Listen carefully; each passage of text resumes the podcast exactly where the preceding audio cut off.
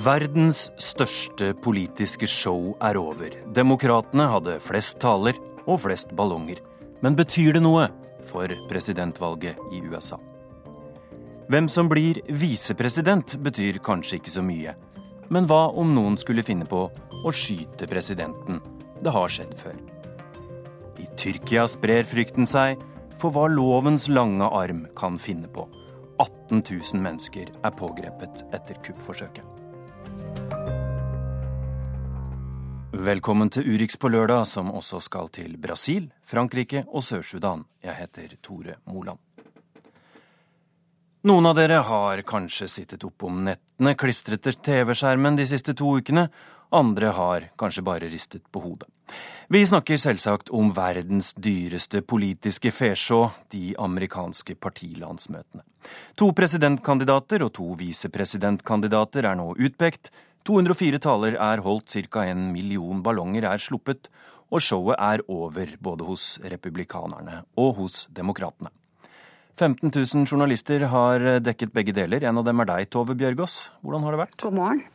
Det har vært eh, veldig veldig utmattende. Det, det, det er visstnok det største mediearrangementet, nesten i år større enn OL. Så det har vært logistikk, det har vært sikkerhet, det har vært eh, ufattelig spennende og veldig, veldig, veldig slitsomt. Eh, og, ja. Hva gjorde sterkest inntrykk? Eh, det er jo som å være i to forskjellige land i år, å være på disse to landsmøtene. Fordi de som er der, er så ulike. Men eh, jeg tror kommentatorene egentlig på, på, hvert fall på demokratisk side, men egentlig i hele pressen, mener at det var ett øyeblikk som gjorde aller sterkest inntrykk. Donald Trump You're asking Americans to trust you with their future. Let me ask you Have you even read the United States Constitution? Donald Trump, har du i det hele tatt lest den amerikanske grunnloven? spør Kisser Khan fra talerstolen i Philadelphia. Den amerikanske muslimen mistet sønnen sin i Irak-krigen i 2004. Han grudde seg til å stå foran 20 000 mennesker på demokratenes landsmøte. Men ordene han hadde for Donald Trump, blir spilt om og om igjen. Kisser Khan var landsmøteukenes høydepunkt, ifølge amerikanske medier. You have sacrificed nothing, and no one. Og han hadde konkurranse. F.eks. fra et ektepar som for tida bor i et stort, hvitt hus i Washington. That is the story of this country. The story of generations of people who felt the lash of bondage, the shame of servitude, the sting of segregation, but who kept on striving and hoping and doing what needed to be done so that today I wake up every morning in a house that was built by slaves. And tonight, I ask you to do for Hillary Clinton what you did for me. I ask you to carry her the same way you carried me. Jeg føler at jeg har vært i to vidt forskjellige land de siste to ukene. På et multietnisk, gigantisk Hollywood-regissert kjempeshow i Philadelphia og på et mye mindre, hvitere, men mer autentisk og veldig entusiastisk show i Cleveland.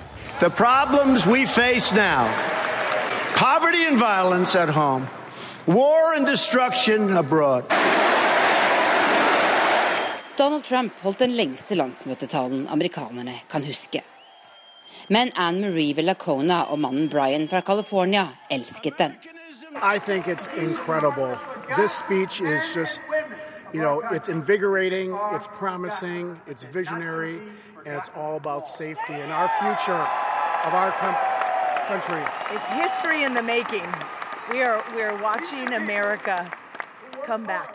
Øyeblikket alle husker fra Cleveland, er det jeg var så heldig å være øyenvitne til da jeg satt og så Ted Cruz tale sammen med delegat fra New York, Mark Bossy.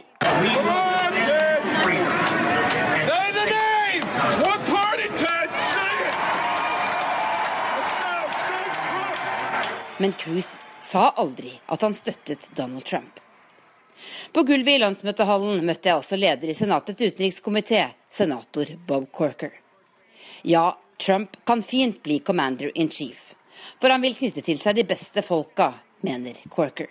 You really feel that Donald Trump has enough experience to tackle this important well, I think, I think, you know, just like he did with his vice president, he picked someone who had legislative experience, uh, had been a governor. I think that what he'll attempt to do over the course of the next several months is lay out the types of people that he would put in various positions. It's been the story of his life, and more recently, the spirit of his campaign. It's a family business på begge sider i år. Bill mot Melania, og der vant vel Bill. Og Ivanka mot Chelsea. Mange mener Ivanka Trump har en framtid i amerikansk politikk. Har Chelsea Clinton det? She'll drop everything for a few minutes of blowing kisses and reading Chugga Chugga Choo Choo with her granddaughter. I'm voting for a fighter who never, ever gives up. Noen høydepunkter fra landsmøtene der. Eh, Tove Bjørgaas, på disse møtene så kan jo partiene da styre mediedekningen til en viss grad eh, sjøl, og nå er det slutt på det. Hva skjer videre med valgkampen da? Nå beveger jo da valgkampen seg ut i de delstatene der slaget skal stå. og Da er det jo ikke kampanjen som har regien på samme måte som de har på disse landsmøtene, som jo er en mulighet f.eks. For, for Hillary Clinton til å holde denne lange policy-talen og få 30 millioner amerikanere til å se på. Så, så, nå er det jo igjen, som vi vet at Donald Trump er veldig veldig flink til å få mediedekning for alle sine utspill, og vi kommer til å se det fortsette. Men både Clinton og Trump er jo da kandidater som mange amerikanere har veldig mye imot. Blir dette sånn, eh, en sånn valgkamp nå der det er viktigere hva du er imot, enn hva du egentlig er for? Ja, det blir jo egentlig det, selv om demokratene forsøkte å tegne et positivt bilde av USA på sitt møte og si at man må stemme for framtida til USA, så forsøkte de også å tegne et skremmebilde av, av Trump. Og republikanerne vil jo at Hillary skal settes i fengsel, som de sa på sitt landsmøte. Så, så dette blir på mange måter et eh, protestvalg på republikansk side og et, eh, et, valg for å stoppe Trump på demokratisk side. Og Det er nok det som til syvende og sist vil føre til at f.eks. unge velgere møter opp for å stemme, at de ikke ønsker Trump. Men at det skulle da bli Trump mot Clinton, det visste vi for så vidt fra før. Eh, nå i løpet av de siste ukene så har vi da også fått vite at visepresidentkandidatene blir Mike Pence og Tim Kaine. Hva slags inntrykk har du fått av eh, de to? De er jo begge litt sånne eh, lavmælte typer. Mike Pence er først og fremst valgt for å få med seg de konservative kristne velgerne på republikansk side. Han gjorde ikke så mye ut av seg på landsmøtet, men vil nok bli viktig. Og det har han også vært i den siste uka for Trump for å nå altså den mer konservative delen av partiet, Ted Cruz-velgerne. Eh, Tim Kaine han er jo en sånn fredskausfyr ser litt ut som en professor fra Blindern, der han sto i en blå skjorte på landsmøtetalerstolen. Eh, og han var humoristisk, og på, Twitter så skriver de mye om at han er en litt sånn, ja, sånn low-key type. Og der har de faktisk også lurt på altså Han har fått ikke så mye oppmerksomhet kanskje for det han sa, men det er mange som rett og slett har lurt på om Tim Kane brukte maskara når han sto på scenen. Så slike ting får oppmerksomhet fra dette enorme politiske showet. Tusen takk til Tove Bjørgaas i Washington, som også feirer bursdagen sin i dag med å stå opp midt på natta for å være med i Urix på lørdag. Onde tunger hevder da altså at ingen egentlig bryr seg så mye med disse visepresidentkandidatene. Med mindre noe dramatisk da skulle skje med presidenten, selvsagt. Det fikk vi en påminnelse om denne uka, da det ble kunngjort at en viss John Hinckley jr. skal løslates etter 35 år. John Hinckley Jr., the man who tried to assassinate Ronald Reagan in 1981, will be freed after 35 years.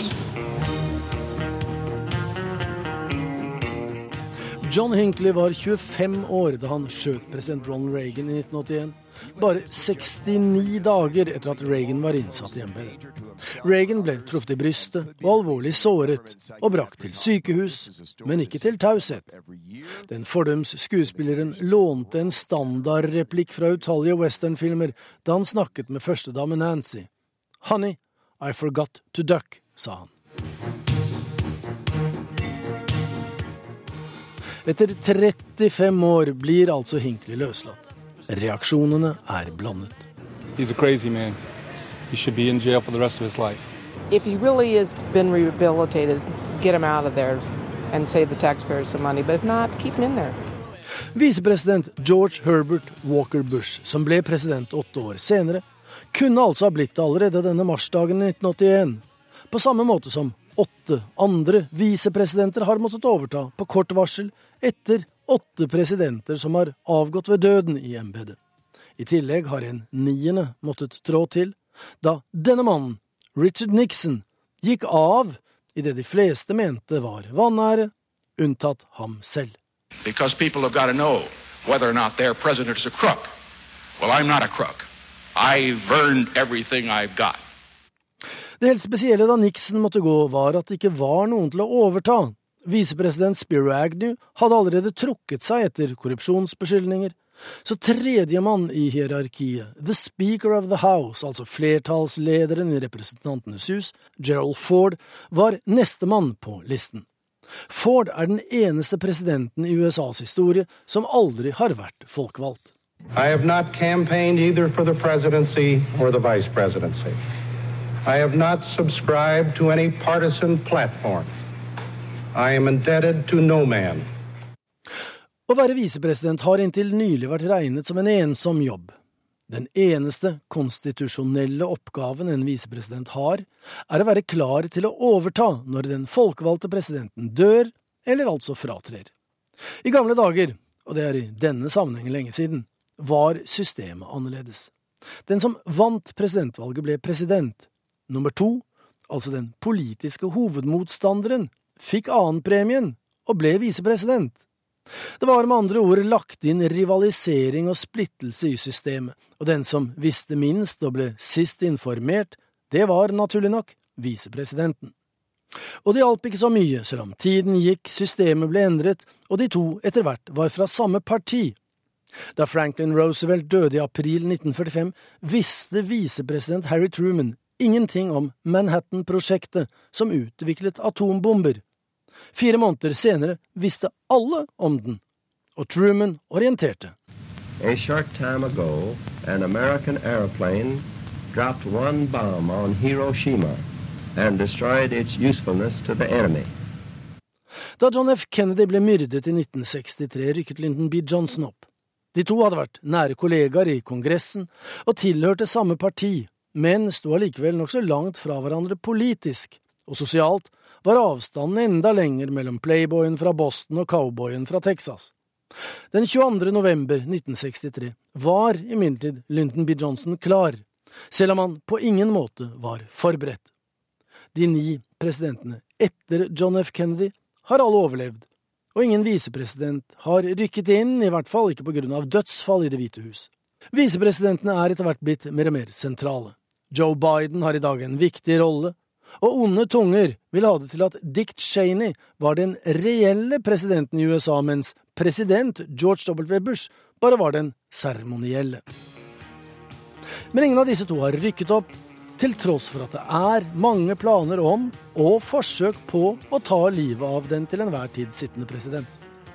De aller fleste blir avslørt før de kommer så langt. Resten er blitt uskadeliggjort og arrestert av Secret Service, før de har fått gjort noen skade. Men attentatmenn og eventuelle kvinner vil alltid være et aktuelt tema for den som residerer i Det hvite hus. Og Donald Trump viser ingen nåde i dag. And by the way, David Hinckley should not have been freed. Okay, John Hinckley. Excuse me. I think I think that John Hinckley, John Hinckley should not have been freed. I just heard about it. Men dette betyr ikke at Mike Pence og Tim Kane går rolige dager i møte. Etter 8. november må en av dem forberede seg på, og fra 20. januar neste år må vedkommende også være klar til å steppe inn og selv bli verdens mektigste mann dersom noe uforutsett skulle skje med verdens mektigste mann eller kvinne.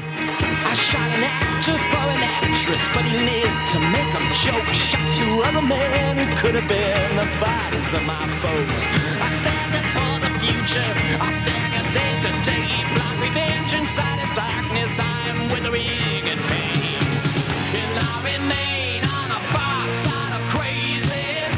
I remain the mortal enemy of man. No hundred dollar cure will save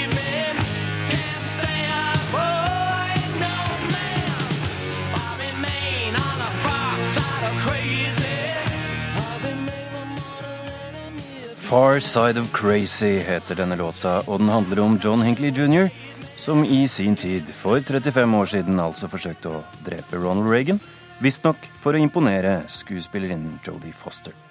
Bandet heter Wall of Voodoo. Vår reporter heter selvsagt Joar Hoel Larsen.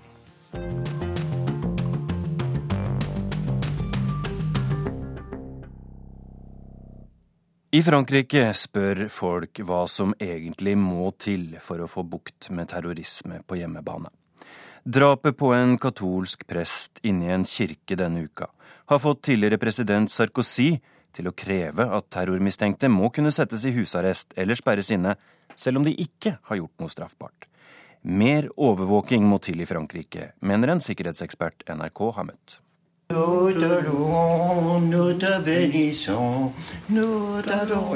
Slik hørtes han ut, fader Jacques Amel, da han forberedte seg på messe. Han var respektert og godt likt. 85 år gammel ville han ikke høre snakk om å gå av med pensjon. Tirsdag tok to IS-krigere seg inn i kirken under morgenmessen og skar over strupen hans. En usedvanlig bestialsk handling som har vakt avsky over hele Frankrike og Europa. Sjokkerte innbyggere i forstaden Saint-Étienne du Rouvray i Normandie samlet seg foran rådhuset og la ned blomster. En av dem en 80 år gammel kvinne som har bodd der hele sitt liv. On peut pas, pas, on peut pas, pas pleurer, c'est pas possible. C'est trop triste. Comment arrivent des choses pareilles On est dans un système de barbarie. Det er umulig ikke å gråte, sier hun, og konstaterer at vi lever i et brutalt samfunn. Dette er barbari. En firebarnsmor opprinnelig fra Madagaskar sier dette om gjerningsmennene. For meg er det le diable. Voilà, pour moi, c'est lui, quoi.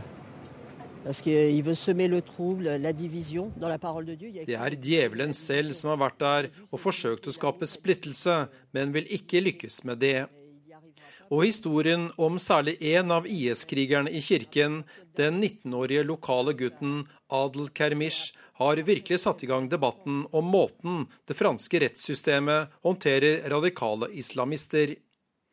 Kermish satt nå i husarrest, påført en elektronisk fotlenke.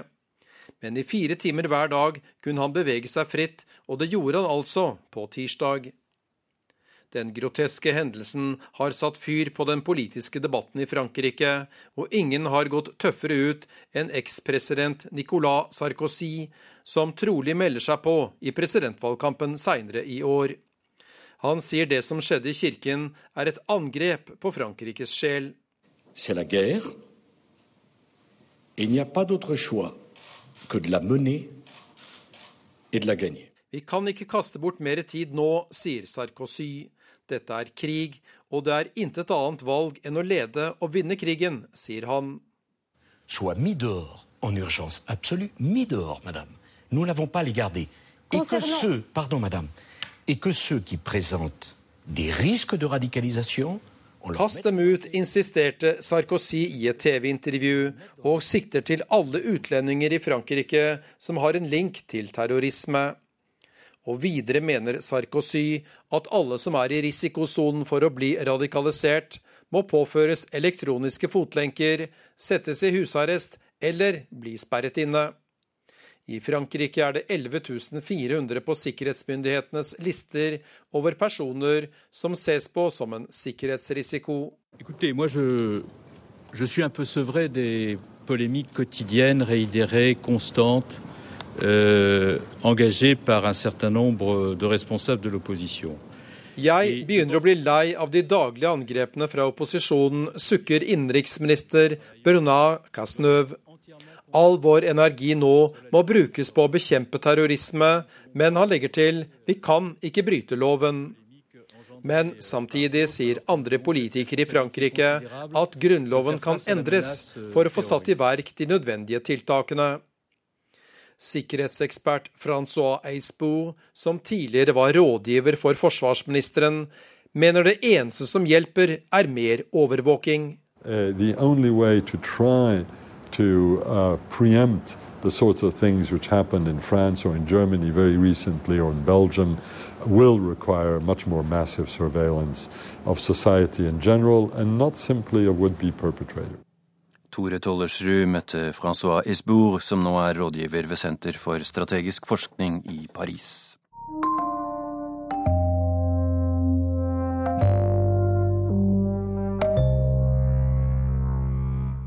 Overvåking blir et nøkkelord også når verdens største idrettsarrangement, de olympiske sommerlekene, starter i Brasil neste fredag.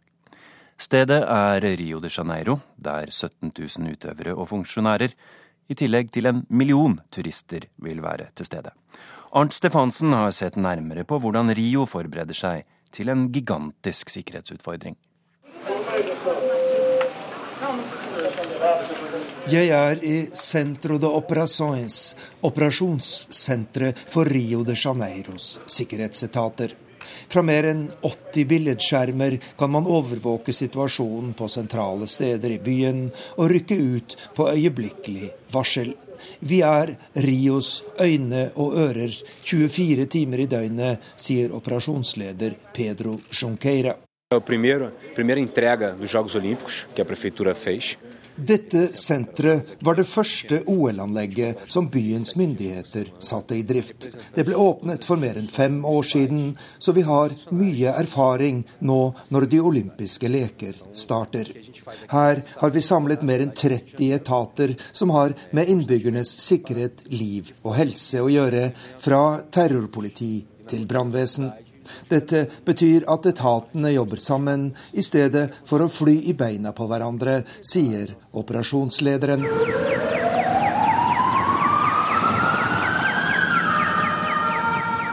I en kjempeby som Rio de Janeiro skjer det hele tiden noe dramatisk, der sekundene teller for den som er rammet. Da gjelder det å bli informert og handle så raskt som mulig. Mer enn 1000 kameraer sender bilder fra ulike deler av byen inn til operasjonssenteret, der rundt 500 mennesker jobber på skift døgnet rundt og året rundt for å få frem hjelp så raskt som mulig, sier operasjonsleder Pedro Junqueira. Vi har også et eget pressesenter der de store mediene her i Rio har faste medarbeidere. Det er svært viktig når det gjelder å få ut informasjon til befolkningen om katastrofer og ulykker. Vi har også en halv million følgere på sosiale medier som Facebook og Twitter, noe som gir oss nyttige tips og mulighet til å nå ut med informasjon til mange, sier han.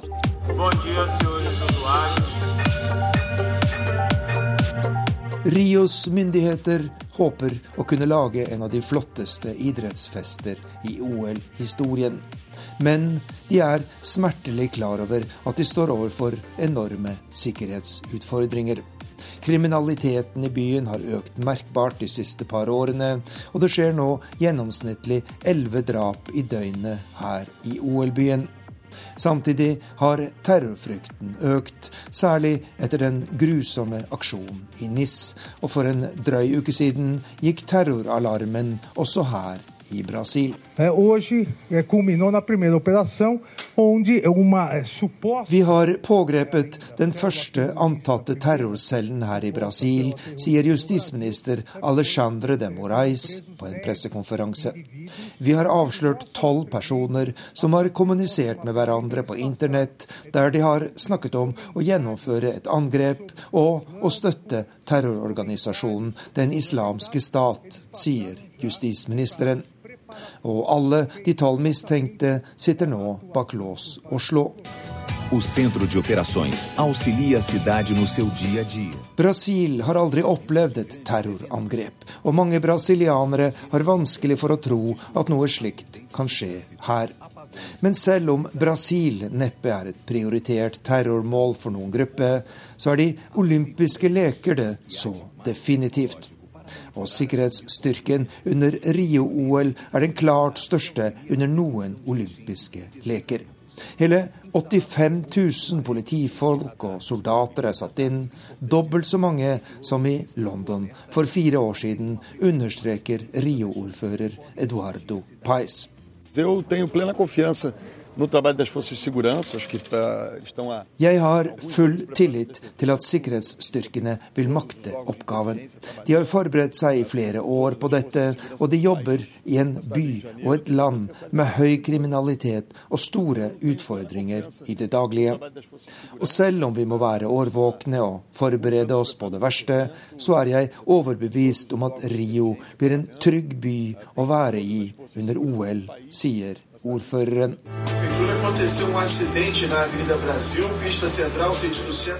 Og i Rios operasjonssenter er det satt inn store ekstramannskaper under OL.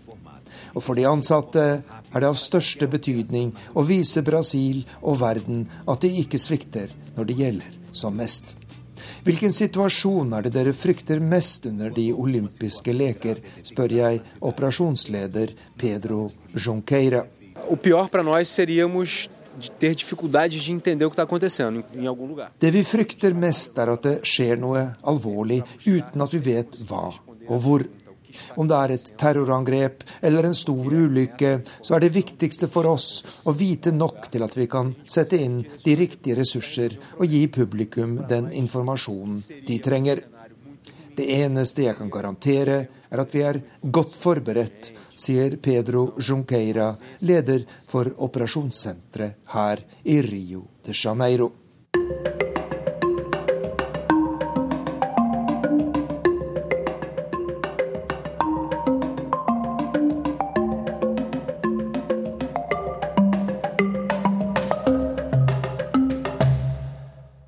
Klokka er straks 11.30. Urix på lørdag har noen tall å komme med.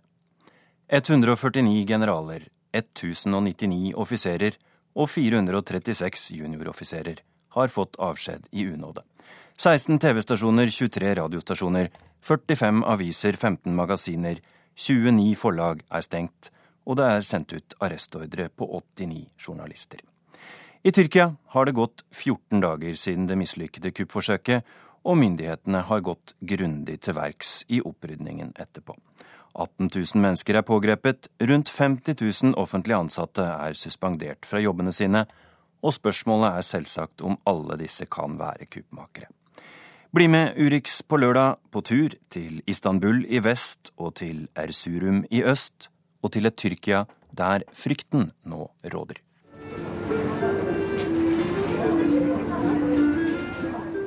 På kafeen i Biolo i Istanbul kunne man tro at ingenting var forandret. Lyden av tyrkiske og kurdiske sanger kommer fra høyttalerne. Ved bordene spiller noen brettspiller backgammon, andre snakker mens de nipper til lysebrun tyrkisk te.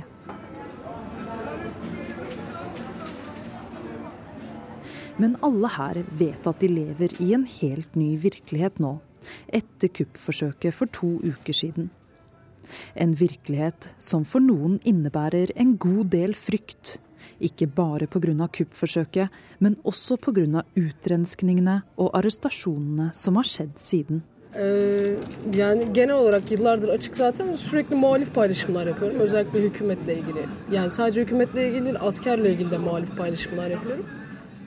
Jeg har stengt Facebook-siden min siden kuppforsøket, sier en kvinne i 20-årene som sitter med to jevngamle venninner ved et av bordene. Som så mange andre vil hun bare snakke anonymt, i frykt for konsekvenser. Hun forteller at hun tidligere har delt meninger kritiske til både myndigheter og militære på Facebook. Etter kuppforsøket har hun hørt om personer som er blitt arrestert basert på det de har delt i sosiale medier. Böyle bir şey yaşamak istemediğim için kapattım yani. Tyrkiske myndigheter insisterer på at de bare slår ned på kuppmakerne og deres støttespillere, og at alt skjer innenfor en ramme av lov og rett og menneskerettigheter. Men det er mange av regjeringens kritikere sterkt uenig i, og kvinnen sier hun rett og slett ikke tar sjansen på å kritisere myndighetene åpent akkurat nå. Çok fazla da paylaşım yaptım ve bundan korkmadım. Çünkü e, bu kadar De slår også ned på kritikere, sier hun, og jeg er blant dem som er kritisk. Dermed kan jeg også bli arrestert.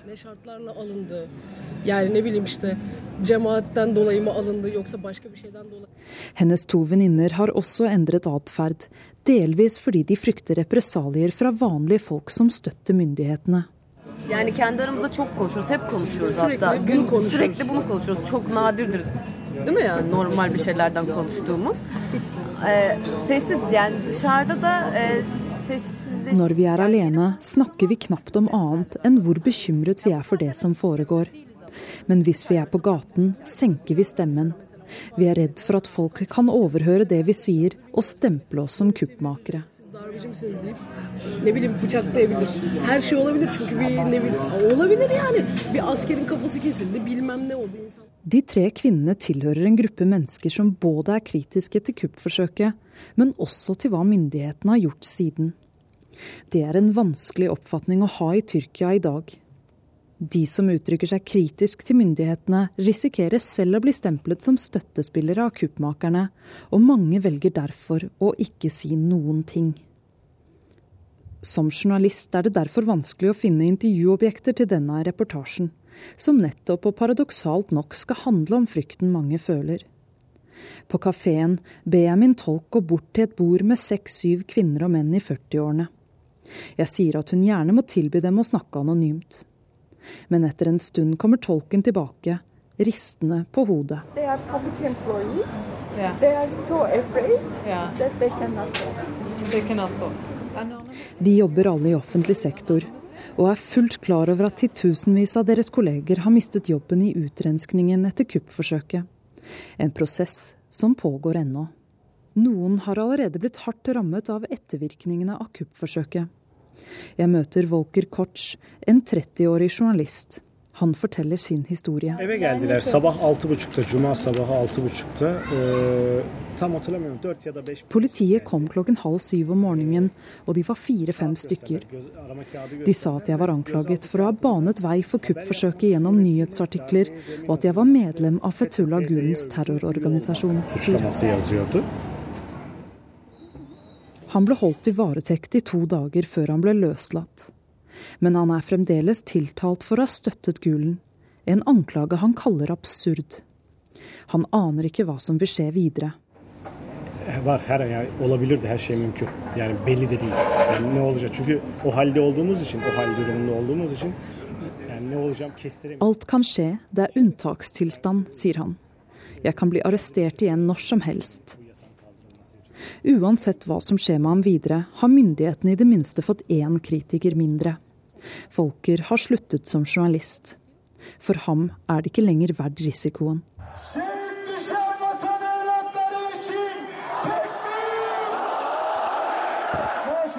Støtten er sterk for president Erdogan her i Erzurum, den største byen i Øst-Anatolia.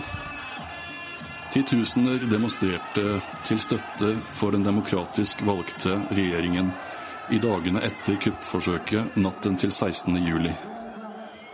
To dager senere ble ti professorer ved Atatürk-universitetet fengslet og anklaget for å ha forbindelser til den religiøse bevegelsen ledet av Fetullah Gulen, som hevdes å ha stått bak kuppforsøket. Her ved Atatürk-universitetet, et av de største i Tyrkia med over 33 000 studenter, er de siste meldingene at 27 ansatte har kommet i søkelyset for å være en del av Gulen-nettverket. En akademisk ansatt som ikke vil stå fram med navn, forteller at det er en uutholdelig stemning av mistenksomhet blant staben nå mens dette pågår. Vi håper det er over snart, sier han. Darbeyle alakalı olarak hocaların e, profesörlerin açığa alınması kısmen doğru bir şey. Çünkü e, Fethullah e, Gülen terör örgütünün e, Men en av studentene mener at utrenskningene burde kommet tidligere. Det er bra at lærere e, og professorer blir e, avsatt etter kuppforsøket, for det er åpenbart at Gulen-bevegelsen har inntatt sentrale posisjoner overalt i staten og i utdanningsinstitusjoner. Det vet alle. Men jeg synes det er en forsinket reaksjon. Det var et kuppforsøk, og flere titalls uskyldige mennesker døde. Og først nå kommer opprenskningen. Professorer og spioner blir fjernet, sier han. Det er ikke første gang at Erdogans rettferdighets- og utviklingsparti tar grep mot universitetene. Enkelte mener at Erdogans politikk er drevet av et ønske om å bringe universitetene tilbake under statlig kontroll, fordi de er et potensielt arnested for sosiale bevegelser. Imens fortsetter støttedemonstrasjonene for Erdogan, også her i Erzurum, en by som er økonomisk avhengig av studenttilstrømningen. Benim gibi düşünüyorlar. Büyük bir çoğunluk e, oyun olduğunu düşünüyor. Hani kendini garantiye almak adına. Jeg er student her. Mange av studentene her tenker som meg, at det hele var et spill. At Erdogan gjorde det for å sikre seg selv, innføre et presidentsystem og alene ta fullstendig kontroll over nasjonen. E, kontrol altına al, almak. Erdoğan tek Tekel. På den annen side følger AKP og Erdogans tilhengere etter ham som sauer. De sier at de holder vakt om demokratiet. Vi blir utsatt for et stort spill. De er ikke klar over det. Men vi er klar over det, sier han. Reportere i Tyrkia var vår korrespondent Kristin Solberg i Istanbul og frilansjournalist Ragnar Skre i Erzurum øst i Anatolia. Jonas Drege, du holder på med en doktorgrad om tyrkisk politikk ved Det europeiske universitetsinstituttet i Firenze. Har tyrkerne grunn til å være redde for den opprydningsaksjonen som nå foregår? Ja, det vil jeg absolutt si. Det er veldig mange som har grunn til å være redd for at eh, regjeringa blir veldig harde i klypa. Vi har allerede sett eh, eksempel på at de er veldig harde i klypa, og det var de òg før kuppforsøket. Men nå har de fått eh, ekstra påskudd for å intensivere denne jakta på de de mener kan stå imot Erdogan og mot regjeringa, uten at det nødvendigvis er relatert til deres kuppforsøk. Ja, går det an å dra det så langt og spørre om det er nå det virkelige kuppet foregår, ved at uh, de som da allerede hadde makta fra før, bare benytter anledningen til å ta enda mye mer av makta nå? Man kan iallfall si at uh, landet blir mer autoritært nå enn uh, før. Om det er et kupp, det vil jeg kanskje ikke si at det er. Det innebærer jo ofte at militæret er innblanda, men her er jo statsapparatet, det sivile, som virkelig rensker ut de de ikke liker i statsapparatet. Men at Erdogan har grepet eh, sjansen til å stramme grepet, det er det liten tvil om? Ja, det er det liten tvil om. Erdogans regjerende AKP-parti og de største opposisjonspartiene på hjemmebane, nasjonalister, ikke-religiøse, de har som regel vært bitre uvenner. Eh, nå virker de brått allierte og, og opptrer til og med sammen. Eh, hvorfor gjør de det? En sjenerøs tolkning av det her er vel kanskje at eh, de støtter demokrati. De støtter de demokratiske spillereglene og ønsker at valg skal bestemme hvem som styrer landet, heller enn militære. Man kan òg kanskje tenke at de husker bittert eh, de tidligere kuppa, da flere politiske, da alle de politiske partiene ble stengt og veldig mange ble fengsla og torturert, utover bare de som hadde stått bak de mest voldelige aksjonene.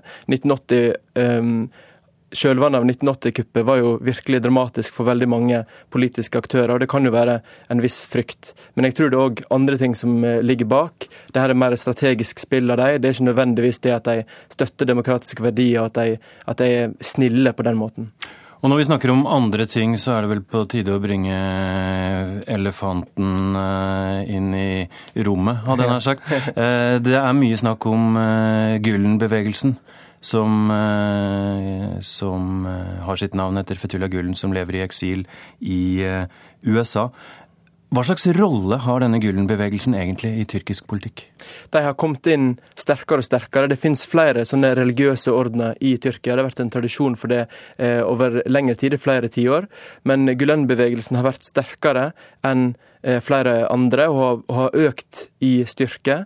Det har de gjort ved hjelp av Erdogan de første åra ved makta. De første elleve åra som Erdogan satt ved makta, så, så hjalp han eh, Gulen til å, å fortsette å, å, bli sterkere og få eh, flere personer som var alliert med han inn i statsapparatet, de var infiltrerte.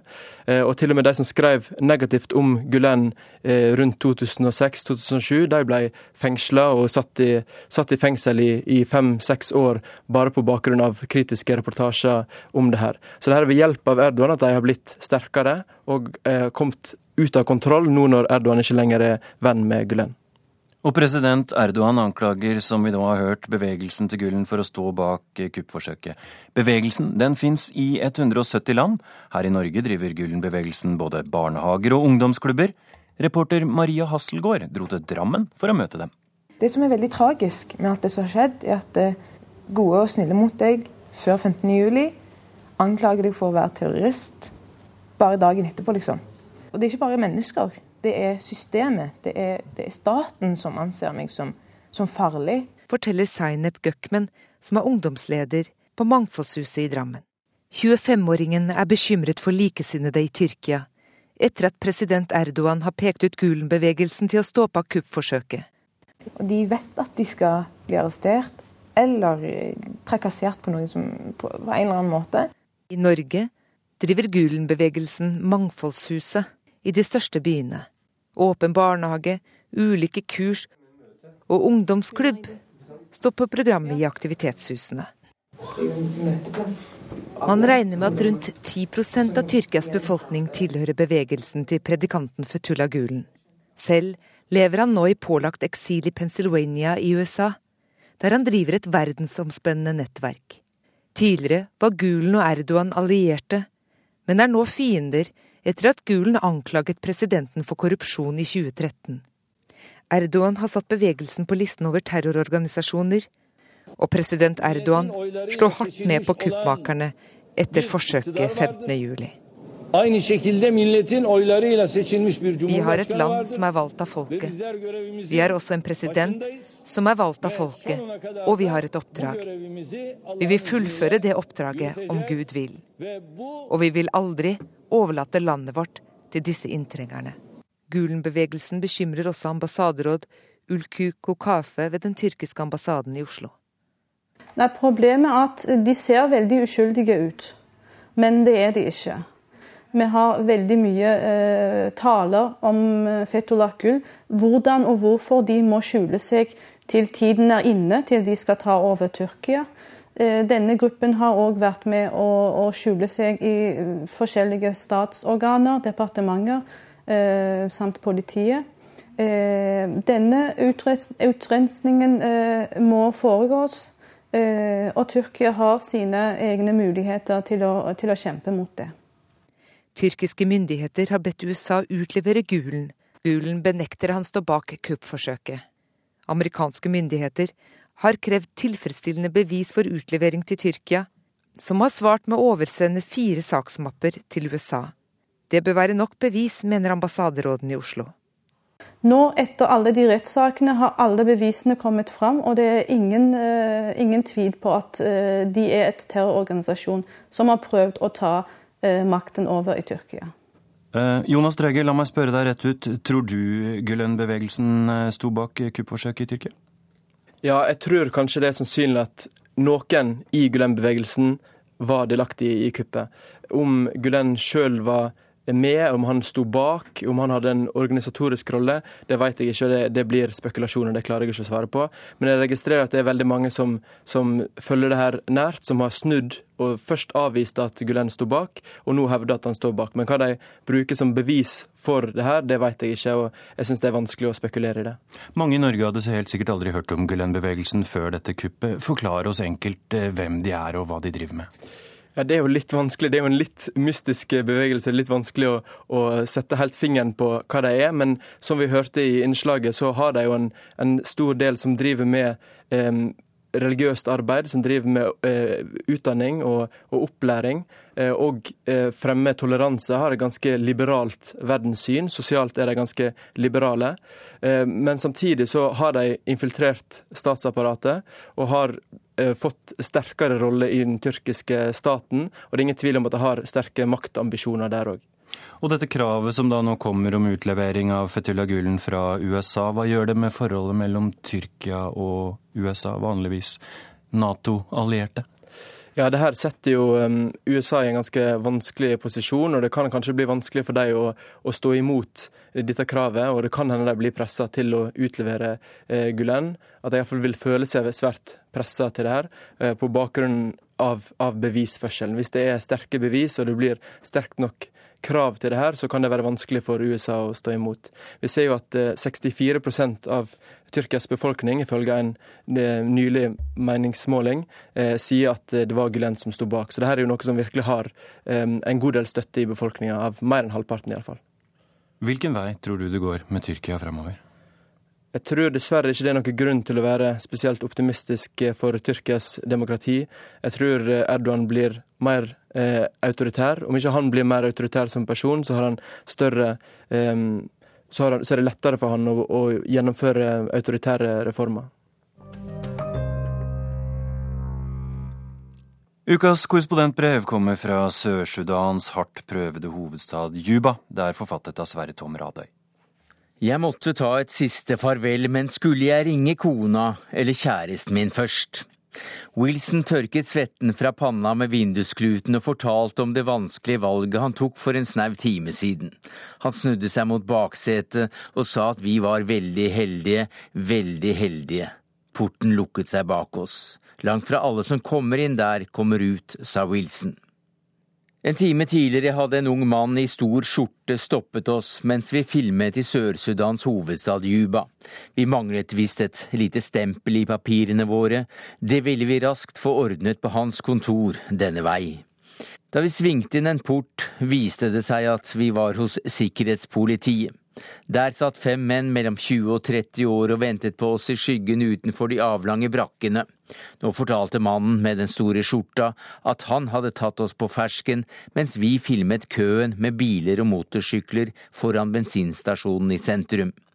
Jeg forklarte at bensinmangel i dette oljeproduserende landet var en illustrasjon på Sør-Sudans vanskelige økonomiske situasjon, men skjønte vi ikke at drivstoffsituasjonen var strategisk informasjon? Jeg pekte på tillatelsen fra informasjonsdepartementet med passfoto, underskrifter og stempler over det hele. Det gjorde ikke inntrykk. Slikt skulle sikkerhetspoliti ta seg av. Det hadde sikkerhetssjefen selv sagt til informasjonsministeren. Dessuten manglet vi plastkortene som andre journalister hadde rundt halsen. At det skyldtes mangel på en fargeprinter, var dem revnende likegyldig. Dokumentet som ga tillatelse til å lage reportasjer i Sør-Sudans hovedstad Juba, hadde ingen verdi, og nå satt vi der hos sikkerhetspolitiet. Det hele skyldtes noen liter diesel. 14 dager tidligere hadde de andre utenlandske korrespondentene reist hit fra Nairobi for å dekke opposisjonslederen Rik Mashars hjemkomst. I april i år hadde han vært på flukt og i væpnet krig med presidenten i over to år. Nå måtte han komme tilbake og innsettes som visepresident under sin erkefiende president Salwa Kiir. Det forlangte det internasjonale samfunnet. Resultatet av maktkampen mellom de to lederne er en endeløs rekke med voldtekter, lemlestelser og titusener drepte, til dels langs etniske skillelinjer. Over to millioner er drevet på flukt i et ødelagt land. Vi hadde lenge planlagt en reportasjereise hit, også fordi verdens yngste stat er spesielt interessant for oss nordmenn, siden Norge spilte en viktig rolle som fødselshjelper fram mot frigjøringen fra Sudan for fem år siden. Norske politikere i skiftende regjeringer har gitt så det monner av bistandsmidler og tung politisk prestisje. Hvilket ansvar har et rikt, lite, men velmenende land når alt går til helvete? I år har ikke pengene strømmet like lett fra det internasjonale samfunnet. Andre områder som Afghanistan og Syria er prioritert. Behovet for hjelp til befolkningen i Sør-Sudan øker, men viljen til å hjelpe blir mindre. Det er et forståelig paradoks med grusomme konsekvenser for enkeltmenneskene det gjelder. Mashars hjemkomst kunne gi nytt håp til en fredsprosess på Sotteseng, og kanskje åpne noen stengte pengekraner. Men opposisjonslederen hadde ingen hast. Sikkerheten var visst ikke god nok. Imens sto verdenspressen oppmarsjert ved rullebanen på Juba International Airport med kamerastativer og reportasjestjerner fra BBC, Al Jazeera og CNN. Asfalten svettet og sminken rant. Verdenssamfunnet fortvilte. Tålmodigheten overfor de to kamphannene var tynnslitt. De ble sett på som de ansvarlige for ufattelige lidelser og som de største hindringene for fred. Mange vil ha begge dømt for forbrytelser mot menneskeheten. Fotograf Lutta og jeg var ikke blant de ventende journalistene. Vi hadde vært opptatt, men nå var vi klare og satt utålmodig i Nairobi og ventet på at informasjonsdepartementet i Juba skulle sende oss sin godkjennelse. Men den kom ikke. Departementet beklaget, de manglet diesel. Drivstoff til generatoren. Generatoren som ga strøm til vannkokere, trådløse nettverk og datamaskiner, hadde ikke drivstoff. Skjermene var svarte, brevet var skrevet, men før byråkratens finger fikk trykket på send-knappen, ble skjermen svart. Tørr tank, intet visum. Juba ventet på Rik Mashar, vi ventet på strømmen i Juba. Så, etter flere dager, fikk generatoren slukket tørsten. Skjermene lyste opp i Sør-Sudans informasjonsdepartement, godkjennelsen kom, visum var snart på plass i passet. Pressetillatelsen skulle ligge klar på hotellet når vi kom til Juba samme dag. Men det gjorde den ikke. En bagatell bare, fargeskriveren virket ikke i departementets kontor for utenlandsk presse, men mandag morgen skulle alt være i orden. Men det var det ikke. Mannen bak pulten beklaget, fargeskriveren, det var jo ikke i orden. Men om jeg kunne ta med meg denne bunken søknader om presseakkrediteringer fra 20-30 andre journalister i taxien jeg leide, og dra til hotellet der en sikkerhetssjef satt i vestibylen og drakk te, så ville han signere alt sammen, og alt ville gå litt raskere. Jeg dro med Wilson som et slags departementsbud til hotellet. Der traff vi offiseren, han signerte papirene.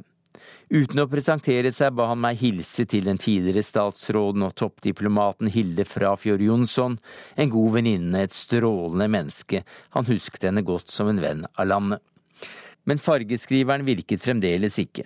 Uten den ingen tillatelse til å jobbe som journalist. Uten tillatelse ingen dekning av Mashars hjemkomst, om så skulle skje. Da kom direktøren inn med en rekvisisjon signert ministeren selv. Kontoret for utenlandsk presse kunne nå dra og hente en ny printer, men bare hvis vi var med. Vi? Hvorfor? Jo, på den måten ville direktøren hindre sin underordnede å misbruke rekvisisjonene til egen vinning. Større var ikke tilliten mellom kollegaer i dette landet som verdenssamfunnet naturlig nok forlanger at skal ha en rasjonell statsforvaltning. Men vi fulgte opp, denne gang som departementets ubetalte antikorrupsjonsmedarbeidere. Rekvisisjonen ble levert, skriveren skulle installeres dagen etter. Men det skjedde ikke. Vi fikk noen midlertidige tillatelser på departementets brevark og en masse stempler. Det var garantert godt nok, sa de. Garantert. Men det var det altså ikke. Derfor satt vi fast hos sikkerhetspolitiet. Noen dråper diesel til, og vi hadde fått visum mens fargeskriveren ennå virket. I stedet sto vi nervøse og så på sikkerhetsoffiserene rense negler og tygge på trefliser. De kjedet seg. Ingen hadde uniform, ingen tok ledelsen. Dårlige tegn. Ingen svarte på mitt forserte forsøk på smalltalk om varmt vær og lite vind. Det var mer forståelig. Så ble de opptatt av å spille på smarttelefonene sine, og jeg tok forsiktig opp min egen for å sende en melding som kunne bli viktig. Da våknet mannen i den dypeste loppemarkedsstolen. No telephones. Der forsvant vår mulighet til å melde fra hvor vi var. Nå har dere gjort noe veldig dumt, sa mannen i lenestolen. Det var da sjåføren Wilson hørte det at han fikk behov for å ta farvel med kona, eller var det elskerinnen? Men så begynte det å regne, og mennene ville innendørs farvel. Vi måtte love dem å skjelle ut idiotene i Innenriksdepartementet, og vi fikk tilbake dokumentet, men uten det lovede stempelet. Det papiret holdt for å komme på nært hold av Rik Mashar da han landet dagen etter, men bensinkøene lot vi være. I stedet ble vi med de råsterke kvinnelige steinknuserne fra landsbyen i Rock City utenfor Juba, langt fra sikkerhetsoffiserer og mistenkeliggjorte byråkrater. Det var der vi møtte den unge moren som slo løs på fjellet med tung slegge og sterk vilje, hun med jentungen fasttjoret på ryggen, som håpet at den lille datteren en dag skulle bli landets president. Jeg kom på disse opplevelsene med et egenrådig sikkerhetspoliti, med mistilliten blant kollegaer og med så utstrakt korrupsjon at innkjøp av en fargeskriver ble for vanskelig, med en stat som bruker så mye penger på våpen at departementet ikke får strøm. Jeg kom på dette for noen få uker siden, da soldater igjen skjøt hverandre ned i Juba, denne gang utenfor presidentkontorene der Rik Mashar og Salwa Kiir satt sammen. Nye drap fulgte, voldtektsbølger, flere journalister forsvant, og nye krav kom om at FN-styrkene må styrkes. Nå er Mashar igjen på rømmen, og alt er kaos, ifølge lederen for overvåkningen av fredsavtalen, Festus Mogai. Men hvem Wilson bestemte seg for å ringe til? Nei, det er noe jeg må spørre om når jeg møter ham igjen en vakker dag i Juba. Når presidenten ikke lenger er en krigsherre, men kanskje en folkekjær datter av en steinknuser fra Rock City. Urix på lørdag er ved veis ende. Teknisk ansvarlig var Erik Sandbråten. Produsent Liv Rønnaug Lilleåsen. Og i studio Tore Moland.